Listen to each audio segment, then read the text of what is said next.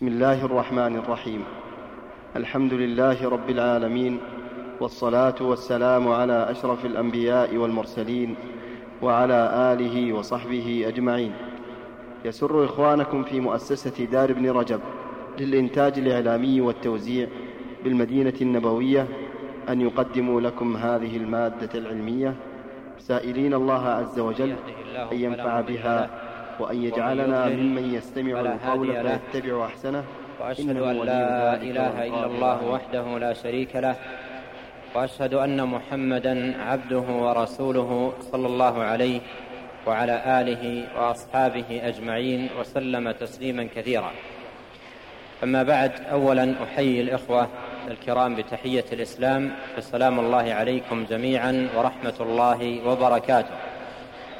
وأسأل الله جل وعلا بأسمائه الحسنى أن يكتب لنا جميعا في هذا اللقاء النفع والخير والفائدة وأن يجعله خالصا لوجهه الكريم مطابقا لسنة النبي صلى الله عليه وسلم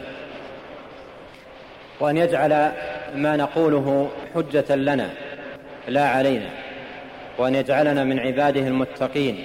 الذين يستمعون القول فيتبعون أحسنه. أولئك الذين هداهم الله وأولئك هم أولو الألباب.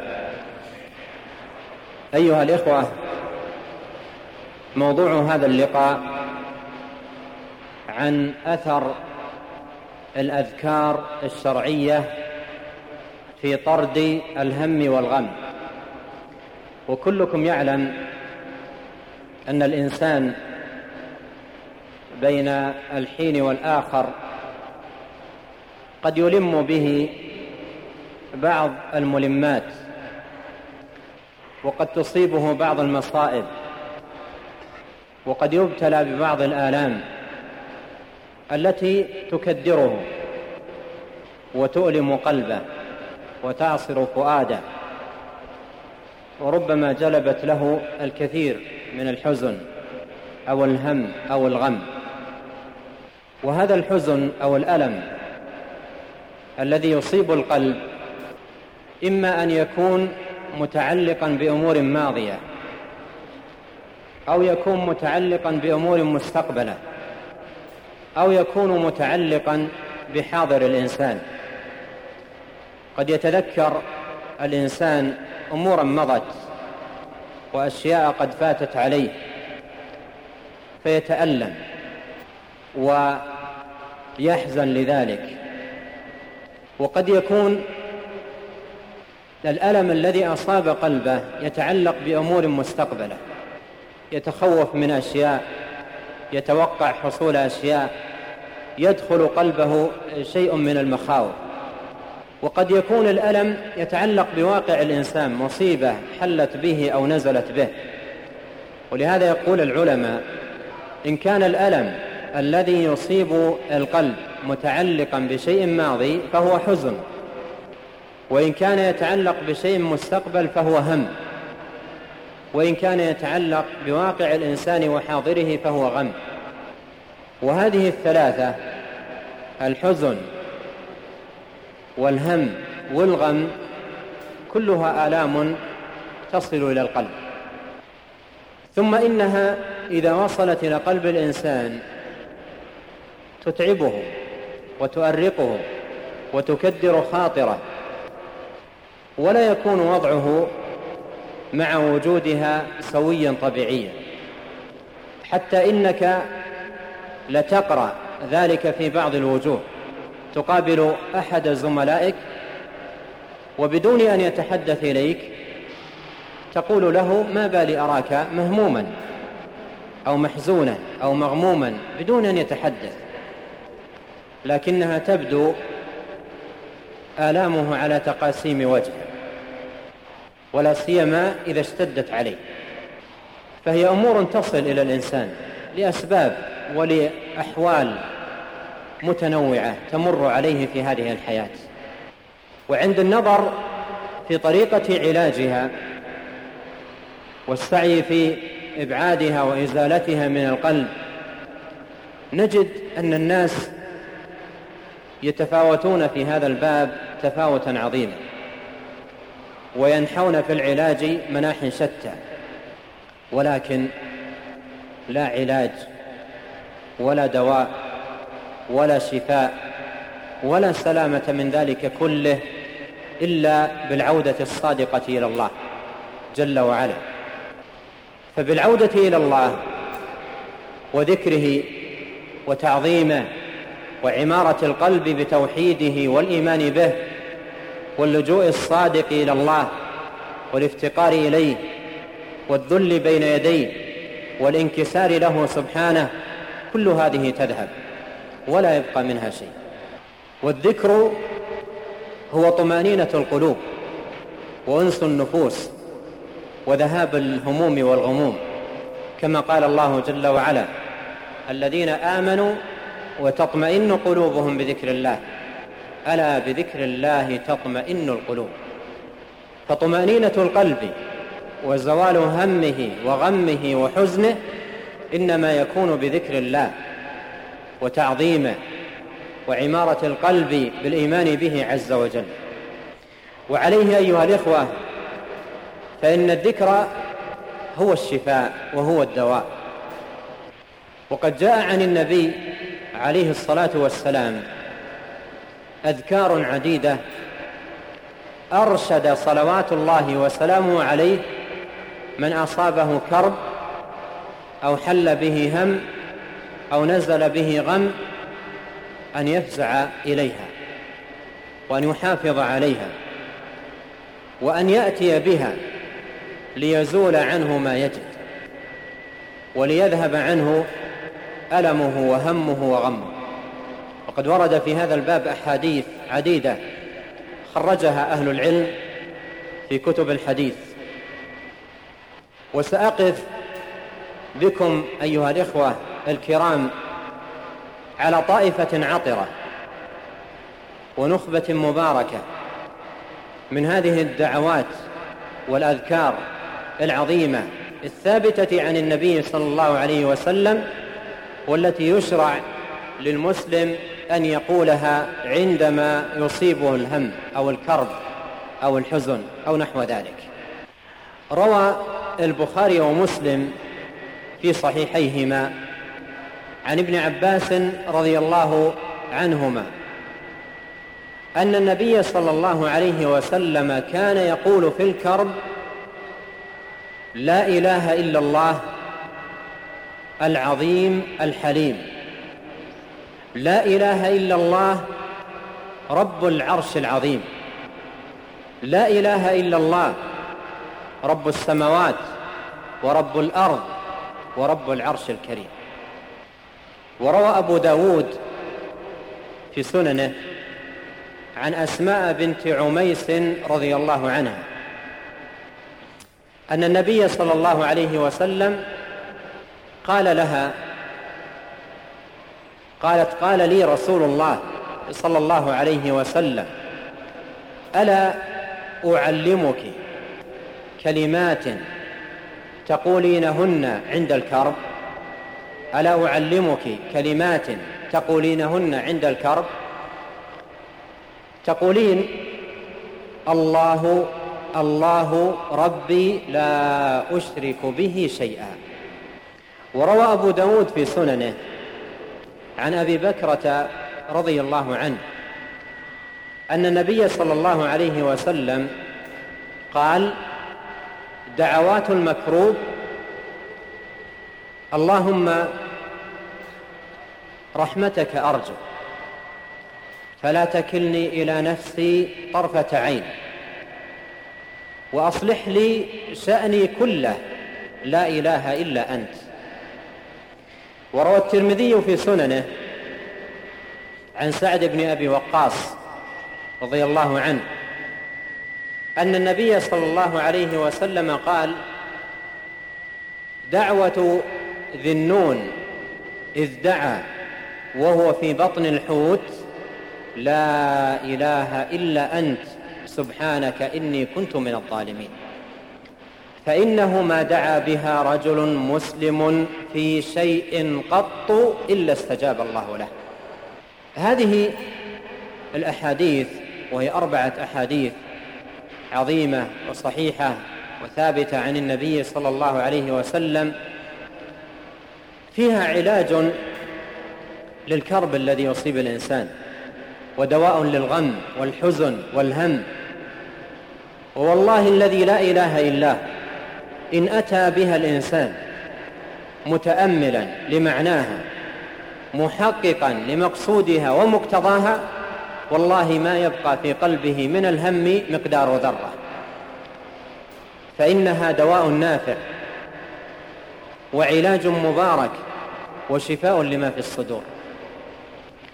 ولكن يحتاج المسلم إذا قال هذه الأذكار المباركة أن يتأمل في معناها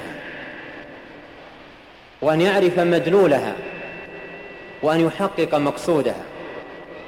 يقول العلماء إن الإتيان بالأذكار الماثورة والدعوات المشروعة بدون علم بالمعنى وتفقه في الدلالة ضعيف التأثير قليل الفائدة. ولهذا نحتاج إلى هذا الشيء في ذكرنا لله عز وجل. كثير منا يأتي بالأذكار الشرعية ويواظب عليها لكنه لا يقف عند لا يقف متأملا في دلالاتها. وعليه أيها الإخوة هذه الأذكار التي تقال لعلاج الكرب وعلاج الهم والغم والحزن لا بد أن نتأمل فيما تدل عليه. ولو وقفتم أيها الإخوة الكرام متأملين في هذه الأذكار الأربعة التي أخبر النبي صلى الله عليه وسلم أنها علاج للكرب لوجدتم أنها تشترك في شيء واحد. هذا الشيء الذي تشترك فيه هذه الأذكار لا بد منه لعلاج الكرب والهم والغم. ولا بد منه لسلامة الإنسان وربحه وغنيمته في الدنيا والآخرة. وتأملوا. في الأذكار الأربعة اجتمع تحقيق التوحيد الذي خلق العبد لأجله ووجد لتحقيقه. التوحيد الذي هو إخلاص العبادة لله وإخلاص الطاعة له سبحانه وتعالى. هو المفزع للإنسان في كرباته وفي جميع همومه وغمومه. ولا زوال للهموم والغموم إلا إذا حقق العبد التوحيد وفزع إلى الله وأخلص دينه لله تبارك وتعالى. وتأملوا معي الأذكار الأربعة. الأول حديث ابن عباس أن النبي صلى الله عليه وسلم يقول في الكرب لا إله إلا الله العظيم الحليم. لا إله إلا الله رب السماوات لا إله إلا الله رب العرش العظيم. لا إله إلا الله رب السماوات ورب الأرض ورب العرش الكريم. لما يقول المكروه هذا الذكر المبارك وهو يتأمل معناه ويقف عند دلالاته. لا إله إلا الله يتذكر توحيد الله وأنه إنما خلق للتوحيد وأوجد للا إله إلا الله ليشغل قلبه ووقته وحياته بلا إله إلا الله. هو خلق لأجل ذلك. ولهذا ينبغي أن تكون لا إله إلا الله هي أكبر هم الإنسان وأهم شغل الإنسان وأعظم اتجاه الإنسان وجل اهتمام فهو لم يخلق إلا لأجلها.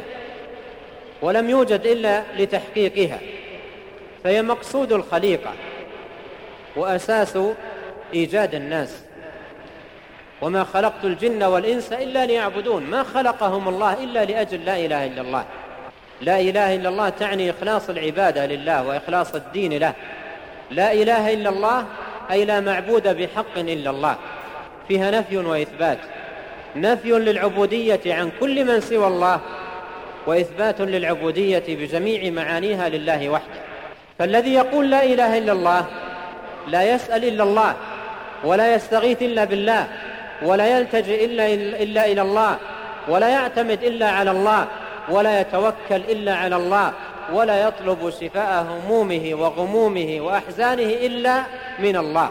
فيقول لا إله إلا الله العظيم يتذكر عظمة الله وأن الله عز وجل هو الكبير المتعال. وهو العلي العظيم فيتذكر عظمة الله وكمال قوته وكمال اقتداره وإحاطته بخلقه سبحانه وتعالى وأنه لا يعجزه شيء في الأرض ولا في السماء ويتذكر حلم الله عز وجل. ثم يقول لا إله إلا الله رب العرش العظيم فيتذكر خلق الله للعرش ذلك المخلوق الذي هو أكبر المخلوقات وأوسعها ولهذا وصف في هذا الذكر بأنه عظيم العرش. ووصف بأنه كريم. فالعرش عظيم. عرش الرحمن عظيم. وعرش الرحمن كريم والكرم هو السعة. والعرش هو أوسع المخلوقات وأكبرها. فيتذكر عظمة الله بتذكر عظمة مخلوقاته التي أوجدها الرب عز وجل. ثم يتذكر خلق الله للسماوات وخلق الله للأرض. يتذكر هذه المعاني الجليلة وهو يردد هذه الكلمات. فينشغل قلبه بها. ينشغل قلبه بها. وينصبغ فؤاده بها. وتكون هي شغله. فأي باقية تبقى للهم أو الغم أو الحزن ما دام القلب منشغلا بذلك. ولهذا نستفيد من هذا الدعاء وغيره أن علاج الهم والغم توحيد الله ذكر الله تعظيم الله تنزيه الله الالتجاء إلى الله هذا هو العلاج. وفي حديث أسماء بنت عميس قال ألا أعلمك كلمات تقولينهن في الكرب أو عند الكرب؟ وهذا من منه عليه الصلاة والسلام تشويق لها إلى الفائدة وترغيب لها. ألا أعلمك كلمات؟ فهذا فيه تشويق لما اشتاق قلبها رضي الله عنها إلى ذلك علمها. قال تقولين الله الله ربي لا أشرك به شيئا. هذا علاج للهم. الله الله ربي لا أشرك به شيئا. الله الأولى مبتدأ والثانية تأكيد لفظي له للمبتدأ لعظم الأمر وكبر المقام وهو توحيد الله وإخلاص الدين له. الله الله تكرر هذه الكلمة مرتين حتى تملأ القلب وهو يتأمل فيها. الله الله ربي. ومعنى الله أي ذو الألوهية ذو العبودية على خلقه أجمعين الذي تصرف له جميع أنواع الطاعات. من هو الله؟ من هو المعبود بحق؟ قال ربي الله ربي. ومعنى قوله الله ربي أي معبودي بحق الذي لا معبود لي سواه هو ربي الذي خلقني. ومعنى ربي الرب هو الخالق الرازق المنعم المدبر المتصرف في شؤون خلقه كلها. فمعبودي الذي أصرف له العبادة بجميع أنواعها ربي.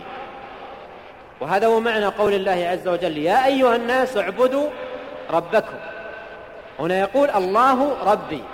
يعني عبادتي وتوجهي وقصدي والتجائي واعتمادي كله على ربي الذي خلقني. والرب هو الخالق الرازق المنعم المتصرف المدبر لشؤون الخلائق الذي بيده أزمة الأمور تبارك وتعالى. لا أشرك به شيئا وهذا فيه البراءة من الشرك. فعلاج الهم إخلاص التوحيد والبراءة من الشرك. بأن يعتمد العبد على ربه سبحانه وتعالى في كل ملماته وفي جميع أموره ومهماته. وقوله لا أشرك هذا فيه البراءة من الشرك والشرك هو تسوية غير الله به في أي شيء من خصائص الرب عز وجل سواء في الربوبية أو الألوهية أو الأسماء والصفات. لا أشرك به شيئا وشيئا هنا نكرة في سياق النفي فتعم. أي لا أشرك به شيئا أي شيء كان. لا صغير ولا كبير لا دقيق ولا جليل. وهذا فيه البراءة من الشرك كله. فإذا قال المسلم هذه الكلمة العظيمة ذهب عنه الكرب. لأن قلبه انشغل بماذا؟ انشغل بأعظم الأمور وأوجب الواجبات وأجل المقاصد وأعظم الغايات وهو توحيد الله. فما بقي للغم فيه مكان. لأنه منشغل بالتوحيد وبالإيمان وبالإخلاص للرب العظيم سبحانه وتعالى. الله الله ربي لا أشرك به شيئا. وفي الحديث الثالث حديث أبي بكرة رضي الله عنه قال عليه الصلاة والسلام دعوات المكروب يعني دعوات من أصابه كرب أن يقول اللهم رحمتك أرجو. فلا تكلني إلى نفسي طرفة عين وأصلح لي شأني كله. لا إله إلا أنت. اللهم رحمتك أرجو. فلا تكلني إلى نفسي طرفة عين وأصلح لي شأني كله. لا إله إلا أنت.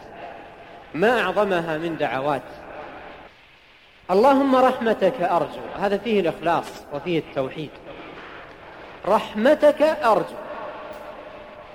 أصل الجملة أرجو رحمتك. فقدم المعمول على العامل ليفيد الحصر. قولك اللهم رحمتك أرجو أي رحمتك وحدك أنت.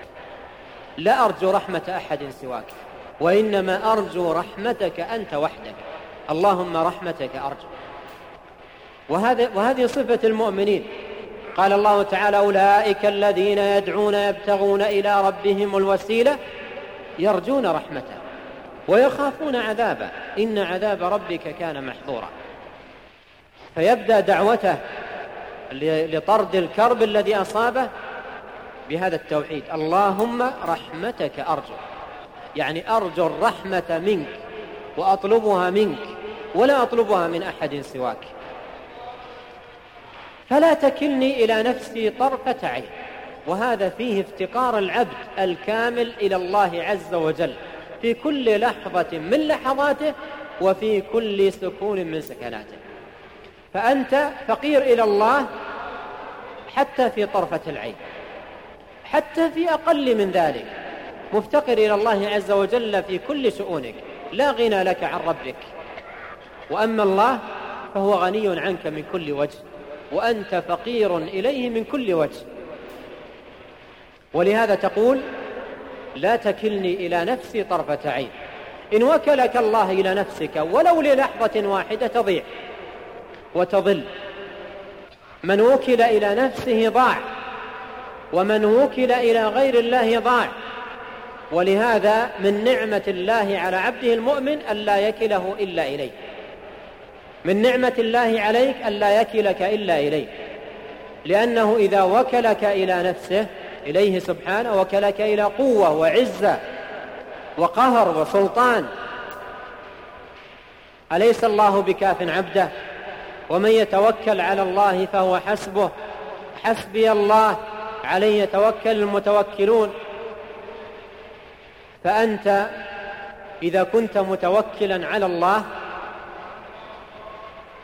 لم تخف من شيء وخافك كل شيء. وإذا لم تكن متوكلا على الله أخافك الله من كل شيء. حتى ما تتوكل عليه من من المخلوقات توكل إليها. وتكون سببا لضياعك وهلاكك. كما جاء في الحديث أن النبي عليه الصلاة والسلام قال من تعلق تميمة فلا أتم الله له. ومن تعلق ودعة فلا ودع الله له. لأن الذي تعلق التميمة أو تعلق الودعة علق قلبه بها. فيضيع. بينما المسلم لا يعلق قلبه إلا بالله سبحانه وتعالى ولا يلتجئ إلا, إلا, إلا, إلا على الله ولا يعتمد إلا على الله. فلا تكلني إلى نفسي طرفة عين وأصلح لي شأني كله.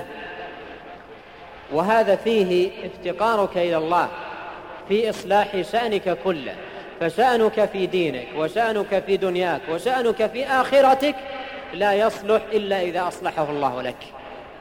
ولهذا كان عليه الصلاة والسلام يقول في دعائه اللهم أصلح لي ديني الذي هو عصمة أمري وأصلح لي دنياي التي فيها معاشي وأصلح لي آخرتي التي فيها معادي واجعل الحياة زيادة لي في كل خير والموت راحة لي من كل شر وأصلح لي شأني كله لا إله إلا أنت. ثم ذكر كلمة التوحيد لا إله إلا الله.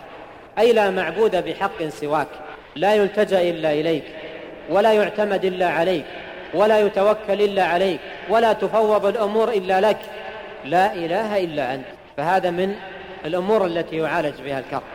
والأمر الرابع أو الحديث الرابع حديث سعد بن أبي وقاص أن النبي عليه الصلاة والسلام قال دعوة ذنون ادعى وهو في بطن الحوت.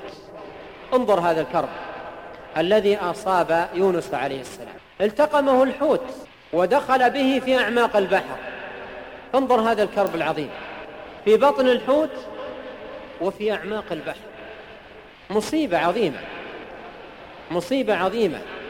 فما كان منه عليه السلام إلا أن أخذ يردد هذه الكلمات. لا إله إلا أنت سبحانك إني كنت من الظالمين. وهو في الظلمات ينادي. في الظلمات ظلمات بطن الحوت وظلمات البحر وظلمات الليل. وهو في أعماق البحر. ويردد هذه الكلمات. لا إله إلا أنت سبحانك إني كنت من الظالمين. هذه دعوة ذنون إذ دعا بها في بطن الحوت. فكان يكررها. فأذن الله عز وجل للحوت وأمرها أن تلقيه. وأنبت عنده شجرة من يقطين. وأعاد عليه صحته وقوته بعد أن كان في أعماق ولو نظرت بنظرتك المجردة الضعيفة إنسان ابتلعه الحوت كيف يخرج؟ انتهى الأمر. لكن لا إله إلا أنت سبحانك إني كنت من الظالمين. فيها تفريج الهموم وكشف الغموم وإزالة الكروبات وإزالة الشدات. مع الإخلاص لا بد من الإخلاص لله. لا إله إلا أنت. يونس عليه السلام كان يقولها وهو يثق بالله ويعتمد على الله ويلتجئ إلى الله ويعلم أن فرج همه بيد الله سبحانه. وهذه الكلمة تضمنت أمورا أربعة. الأمر الأول التوحيد لا إله إلا أنت. لا إله إلا أنت توحيد الله. والأمر الثاني تنزيه الله سبحانك. ومعنى سبحانك يعني أنزهك يا الله عن كل ما لا يليق بك. أنزهك عن النقائص والعيوب أنزهك عما يصفك به الواصفون من أعداء الرسل. سبحان ربك رب العزة عما يصفون. فالأمر الثاني تنزيه الله. الأمر الثالث الاعتراف بالظلم والتقصير. إني كنت من الظالمين. والأمر الرابع العبودية لله سبحانه وتعالى واعترافك بأنك عبد لله عز وجل ولا غنى لك عن الله طرفة عين. فهذا فيه علاج عظيم وشفاء مبارك. انظر مرة ثانية المصيبة التي نزلت بنبي الله يونس عليه السلام. وانظر الفرج من رب السماوات ورب الأرض ورب العرش العظيم ورب المخلوقات كلها. ولهذا يفزع الإنسان في كل ملماته وفي جميع أهواله وشداته إلى الله لا يلجأ إلا إلى الله. في أي مصيبة تصيبك وأي نازلة تنزل بك لا تلجأ إلا إلى الله.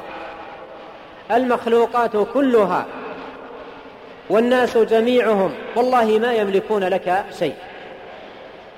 إن أرادك الله بضر ما يملكون دفعه وإن أرادك برحمة ما يملكون إمساكها. ما يفتح الله للناس من رحمة فلا ممسك لها وما يمسك فلا مرسل له من بعده.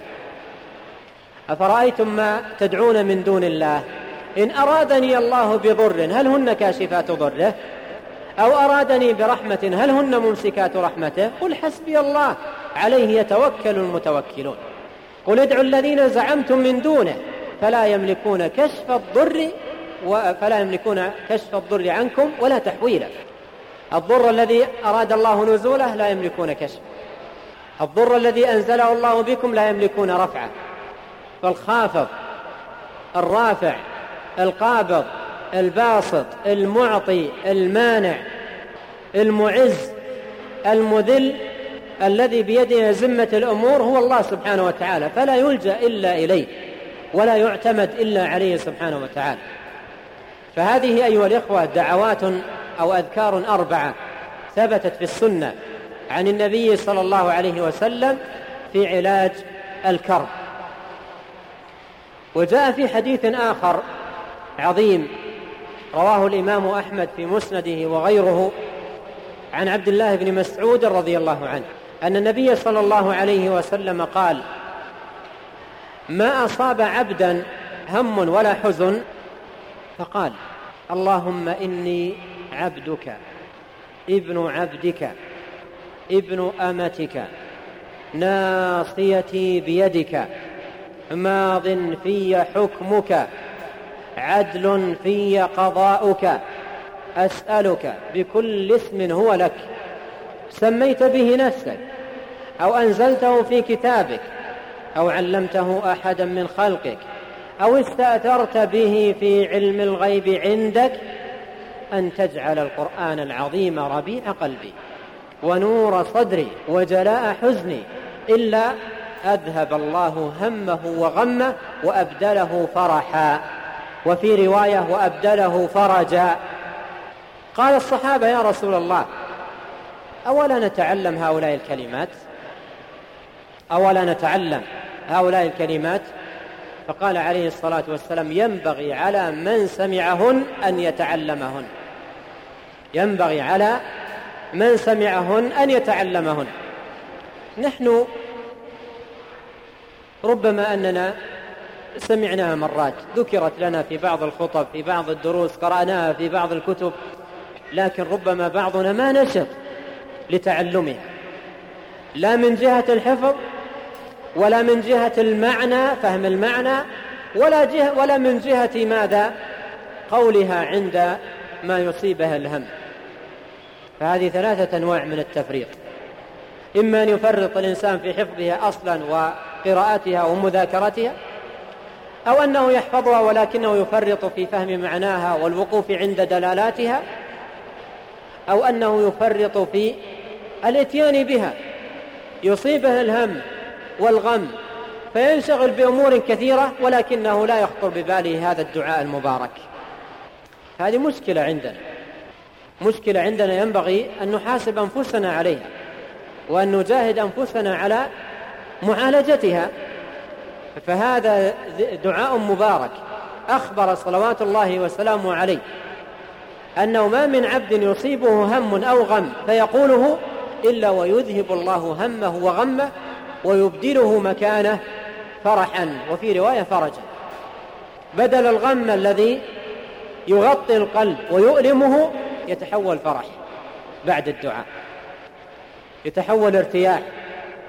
ومن بعد ذلك يأتي فرج من الله سبحانه وتعالى للأمر الذي ألم بالإنسان والذي دلنا على ذلك وأخبرنا به وأرشدنا إليه الصادق المصدوق الذي لا ينطق عن الهوى صلوات الله وسلامه عليه. والله إن هذا الكلام لحق وإن فيه لتفريج للهموم وشفاء للغموم وحصول للفرج وتحقيق للفرح كما أخبر بذلك رسولنا عليه الصلاة والسلام. ونحن في هذا الدعاء نحتاج إلى أمور ثلاثة أشرت إليها. الأمر الأول أن نحفظه. والأمر الثاني أن نفهم معناه. والأمر الثالث أن نحافظ عليه عندما يصيب أحدنا هما أو غما. عندما يصيب أحدنا هم أو غم. وعندما تتأمل أخي الكريم المبارك هذا الدعاء تجد أنه يشتمل على أصول أربعة. يشتمل على أصول أربعة. لا بد منها لعلاج الهموم والغموم. ولا بد أن تتأملها وأن تحرص على فهمها وأنت تأتي بهذا الدعاء.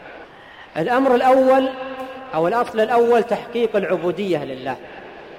إذا أردت لهمومك الذهاب فحقق العبودية لله. وانظر, وانظر تحقيق العبودية في هذا الدعاء. أول ما تبدأ تحقق العبودية. تقول اللهم إني عبدك ابن عبدك ابن أمتك. فأنا عبد لك. أنا عبد لك. قد تكون أنا عبد لك أي بمعنى عابد لك. أعبدك أدعوك أرجوك أسألك أعتمد عليك ألتجئ إليك.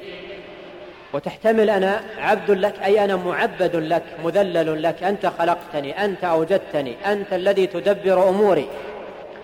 فأنا عبدك وابن عبدك وابن أمتك.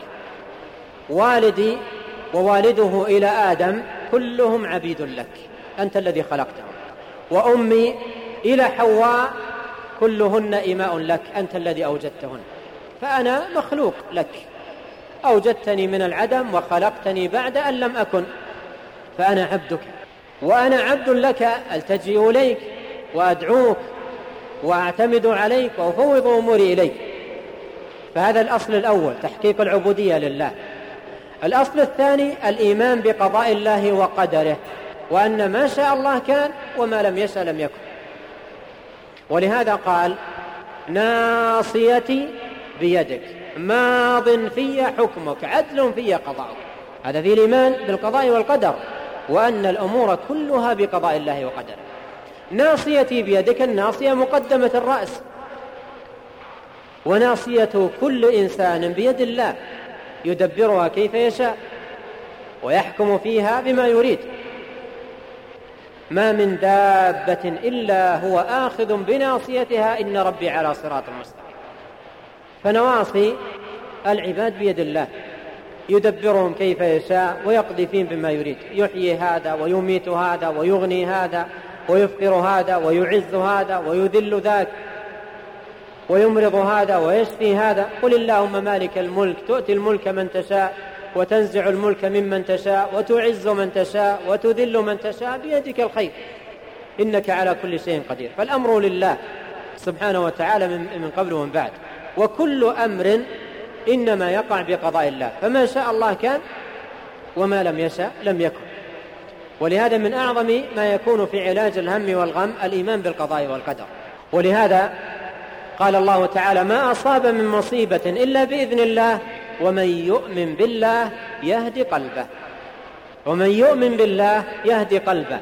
قال بعض السلف هو العبد المؤمن تصيبه المصيبة فيعلم أنها من عند الله فيرضى ويسلم. ولهذا الإيمان بالقدر له أثر مبارك على العبد في راحة قلبه وطمأنينة نفسه. ولهذا قال عليه الصلاة والسلام عجبا لأمر المؤمن إن أمره كله خير. إن أصابته سراء شكر فكان خيرا له وإن أصابته ضراء صبر فكان خيرا له وذلك لا يكون إلا المؤمن. المؤمن في السراء يعلم أنها نعمة من الله فيحمد الله عليها. وفي الضراء يعلم أن المصيبة بقضاء الله سبحانه وتعالى وأن ما شاء الله كان وما لم يشاء لم يكن فيصبر عليها. فهو في النعمة ينال ثواب الشاكرين وفي المصيبة ينال ثواب الصابرين. وهذا لا يكون إلا للمؤمن. وهذا لا يكون إلا للمؤمن. الأمر الثالث أو الأصل الثالث الإيمان بأسماء الله وصفاته والتوسل إليه سبحانه وتعالى بها. ولهذا قال عليه الصلاة والسلام أسألك بكل اسم هو لك سميت به نفسك أو أنزلته في كتابك أو علمته أحدا من خلقك أو استأثرت به في علم الغيب عندك.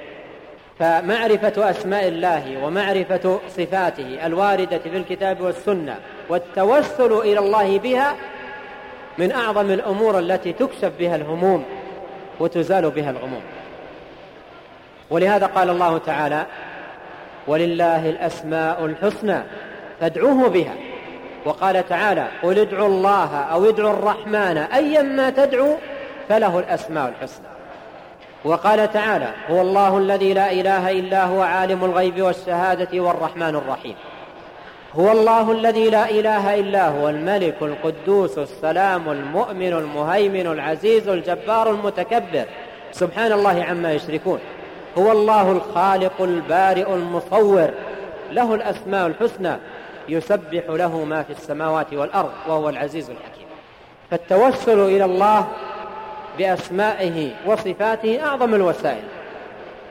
وهو من معاني قوله تعالى يا أيها الذين آمنوا اتقوا الله وابتغوا إليه الوسيلة. يعني ابتغوا القرب إليه بما يرضيه ومما يرضي الله وطلب من عباده أن يتوسلوا إلى الله به أسماءه سبحانه وتعالى. ولهذا كان عليه الصلاة والسلام يتوسل إلى الله بأسمائه. كان يقول في دعاء اللهم بعلمك الغيب وقدرتك على الخلق توسل إلى الله بعلمه وتوسل إلى الله بقدرته. اللهم بعلمك الغيب وقدرتك على الخلق أحيني ما كانت الحياة خيرا لي وتوفني ما كانت الوفاة خيرا لي. وفي, وفي القرآن وأدخلني برحمتك في عبادك الصالحين. توسل إلى الله برحمته سبحانه وتعالى. وفي دعاء الاستخارة اللهم من يستخيرك بعلمك وأستقدرك بقدرتك توسل إلى الله بالعلم وبالقدرة. ولهذا يتوسل المسلم إلى الله بأسمائه وصفاته سبحانه وتعالى.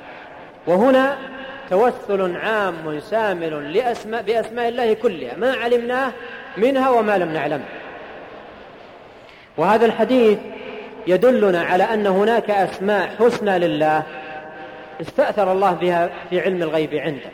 لم ينزلها في كتابه. ولم يعلمها أحدا من خلقه. وقد جاء في حديث الشفاعة العظيم عندما يشفع النبي عليه الصلاة والسلام للخلائق بأن يأذن الله بحسابهم ويبدأ قال فأسجد لله سجدة وأحمده بمحامد يعلمني إياها في ذلك الوقت. لا أعلمها الآن. النبي عليه الصلاة والسلام يقول يعلمني محامد أحمده بها يعلمني إياها في ذلك الوقت. فهناك أسماء لله استأثر بها سبحانه في علم الغيب عنده. وهذا الدعاء فيه توسل إلى الله بكل اسم هو له. سمى به نفسه أنزله في كتابه علمه أحدا من خلقه استأثر به في علم الغيب عنده. وفي هذا أيضا دلالة على أن معرفة الله ومعرفة أسمائه ومعرفة صفاته من أعظم الأمور أو أعظم الأمور التي تتحقق بها سعادة الدنيا والآخرة. ولهذا قال الله تعالى إنما يخشى الله من عباده العلماء. كلما ازداد الإنسان معرفة بالله وأسمائه وصفاته ازداد تعظيما له وإقبالا عليه وبعدا عن معاصيه. كما قال بعض السلف من كان بالله أعرف كان منه أخوف ولعبادته أطلب وعن معصيته أبعد. فكلما زادت زادت معرفتك بالله زاد الخير فيك. إذا هذا الأصل الثالث في هذا الدعاء.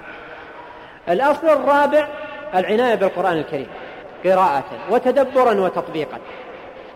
ونحن ما تكاثرت علينا الهموم ولا انتشرت فينا الغموم والهموم إلا لبعدنا عن القرآن.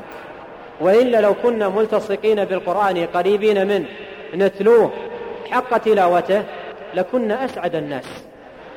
والله عز وجل يقول إن هذا القرآن يهدي للتي هي أقوى. ويقول وشفاء لما في الصدور. فالقرآن شفاء ودواء وهداية وموعظة وذكرى للذاكرين. وتجد الإنسان عندما يتألم من بعض الأمور فيمسك بكتاب الله ويقرأ متدبرا. ما هي إلا لحظات ويجد الصدر منشرح. والطمأنينة تكسو القلب. والأنس يعمره. حتى إنه يظن أنه ما عنده أي مشكلة مع أنه عنده مشاكل كثيرة. لكنه مع الطمأنينة التي تغشى صاحب القرآن والسكينة التي تنزل عليه. ولا سيما إذا كان يتدبر القرآن. يقول عليه الصلاة والسلام ما اجتمع قوم في بيت من بيوت الله يتلون كتاب الله ويتدارسونه بينهم إلا نزلت عليهم السكينة وغشيتهم الرحمة وحفتهم الملائكة وذكرهم الله في من عنده. فالقرآن شفاء. والاستشفاء بالقرآن ليس بأن يشتري الواحد منا مصحفا ويعلقه في الرف. أو يضعه في مقدمة السيارة وفي الوقت نفسه يتخذ كتاب الله مهجورا. لا يقرأه ولا يتدبره ولا يجاهد نفسه على تطبيقه. ليس هذا هو الاستشفاء بالقرآن. الاستشفاء بالقرآن بأمور ثلاثة قراءة القرآن وتدبر القرآن والعمل بالقرآن. الذين آتيناهم الكتاب يتلونه حق تلاوته أولئك يؤمنون به. يتلونه حق تلاوته. ومعنى يتلونه حق تلاوته أن يقرؤونه ويفهمون معناه ويعملون بمقتضاه. ومن التلاوة العمل. تلاوة القرآن لا تكون بمجرد قراءته بل لا بد فيها من العمل به. ولهذا يقولون تلا فلان فلانا أي تبعه؟ فلا بد من العمل بالقرآن. ولهذا العناية بالقرآن قراءة وتدبرا وتطبيقا هو أساس السعادة والفلاح وزوال الهموم والغموم. ولهذا ختم هذا الدعاء بقوله أن تجعل القرآن العظيم ربيع قلبي ونور صدري وجلاء حزني وذهاب همي وغمي. إذا كان القرآن هذا شأنه في قلبك. وهذا شأنه في صدرك. نور صدرك. وربيع قلبك. وجلاء حزنك وذهاب همك وغمك. هل الغموم والهموم تجد طريق إلى قلبك؟ هل لها مدخل إلى صدرك وفؤادك؟ لا والله لأن معمور والقلوب أوعية. فالقلب وعاء. إذا ملأت بالذكر والقرآن واستحضار عظمة الله ما بقي لهذه الأمور أي مكان. لكنه إذا ضعف فيه الإيمان وضعف فيه الذكر وضعفت فيه الصلة بالله سبحانه وتعالى وجدت هذه الأمور إليه طريقا وسبيلا. قال أن تجعل القرآن العظيم ربيع قلبي ونور صدري. لما ذكر القلب ذكر الربيع. ولما ذكر الصدر ذكر النور لأن النور ينعكس على ما في داخله. والربيع هو الماء الذي يصل إلى النبات فيغذيها ثم يشع منها الخير. فأنت إذا دخل القرآن إلى قلبك أصبح مثل الربيع ينبت أنواع الزهور وأنواع الحدائق وأنواع الثمار. التي لا أطيب منها ولا أجمل ولا أحسن. وإذا شع صدرك بالنور أصبحت حياتك كلها نورا وضياء.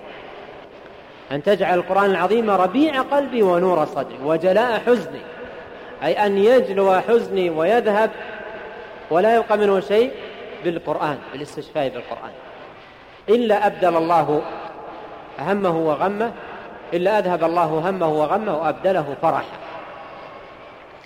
فهذه أيها الإخوة تذكرة لي ولكم حول هذه الدعوات العظيمة وأوصي نفسي وإياكم بتقوى الله عز وجل وأن نتعاهد أذكار النبي عليه الصلاة والسلام ودعواته المأثورة عنه بتعلمها ومدارستها ومذاكرتها وتطبيقها وأسأل الله عز وجل بأسمائه الحسنى وصفاته العلى أن يفرج همومنا وهمومكم وأن ينفس كرباتنا وكرباتكم وأسأله سبحانه وتعالى أن يصلح لنا جميعا ديننا الذي هو عصمة أمرنا وأن يصلح لنا دنيانا التي فيها معاشنا وأن يصلح لنا آخرتنا التي فيها معادنا وأن يجعل الحياة زيادة لنا في كل خير والموت راحة لنا من كل شر. اللهم إنا عبيدك بنو عبيدك بنو إمائك نواصينا بيدك ماض فينا حكمك عدل فينا قضاؤك. نسألك بكل اسم هو لك. سميت به نفسك أو أنزلته في كتابك أو علمته أحدا من خلقك أو استأثرت به في علم الغيب عندك أن تجعل القرآن العظيم ربيع قلوبنا ونور صدورنا وذهاب همومنا وغمومنا. ونسأل الله جل وعلا أن يصلح لنا ولكم شأننا كله وأن لا يكيننا إلى أنفسنا طرفة عين وأن يهدينا وإياكم سواء السبيل. والله تعالى أعلم. وصلى الله وسلم على نبينا محمد وآله وأصحابه أجمعين.